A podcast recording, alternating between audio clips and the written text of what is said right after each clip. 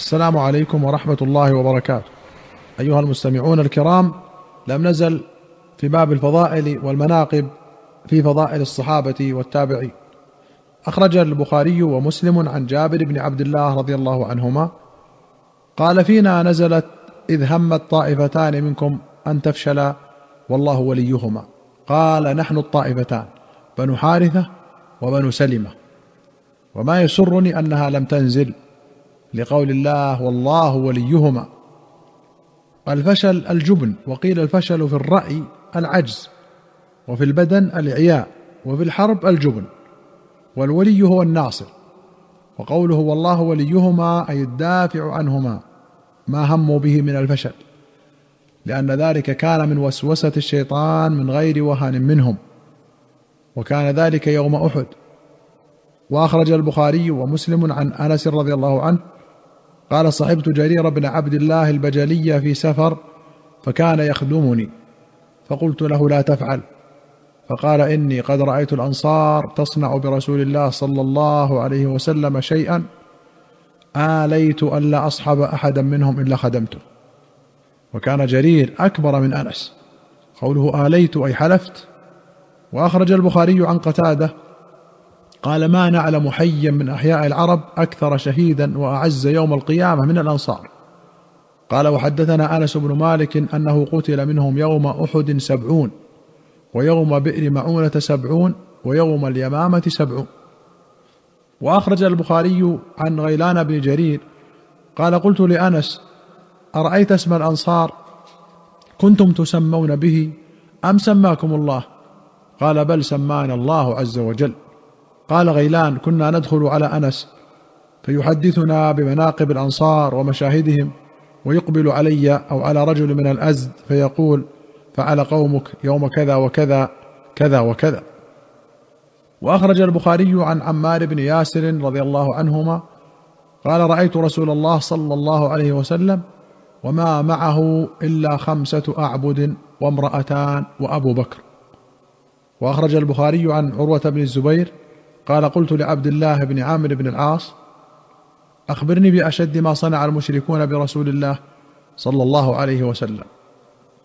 قال بين رسول الله صلى الله عليه وسلم يصلي بفناء الكعبة إذ أقبل عقبة بن أبي معيط فأخذ بمنكب رسول الله صلى الله عليه وسلم ولوى ثوبه في عنقه وفي رواية فوضع رداءه في عنقه فخنقه به خنقا شديدا.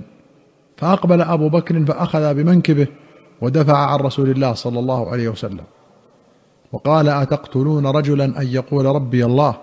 وقد جاءكم بالبينات من ربكم. وأخرج مسلم عن أبي هريرة رضي الله عنه أن رسول الله صلى الله عليه وسلم قال يوما من أصبح منكم اليوم صائما؟ قال أبو بكر أنا. قال فمن تبع منكم اليوم جنازة؟ قال أبو بكر أنا. قال فمن أطعم منكم اليوم مسكينا. قال أبو بكر أنا. قال فمن عاد منكم اليوم مريضا.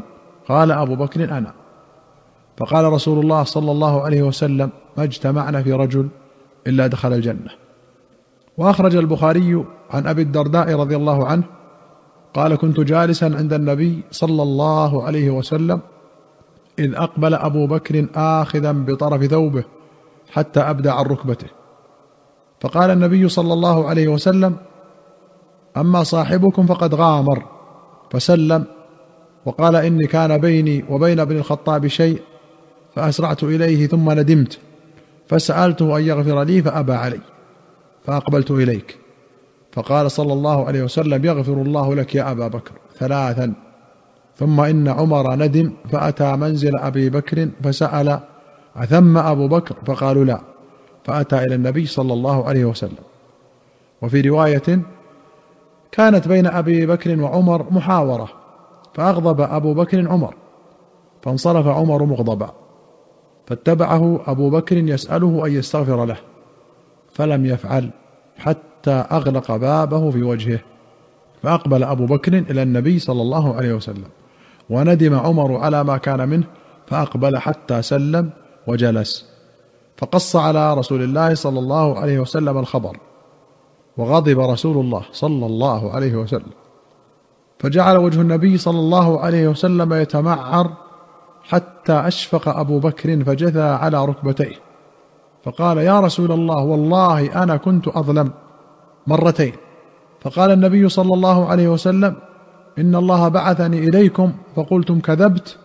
وقال أبو بكر صدق. وواساني بنفسه وماله فهل أنتم تاركوا لي صاحبي مرتين؟ فما أوذي بعدها.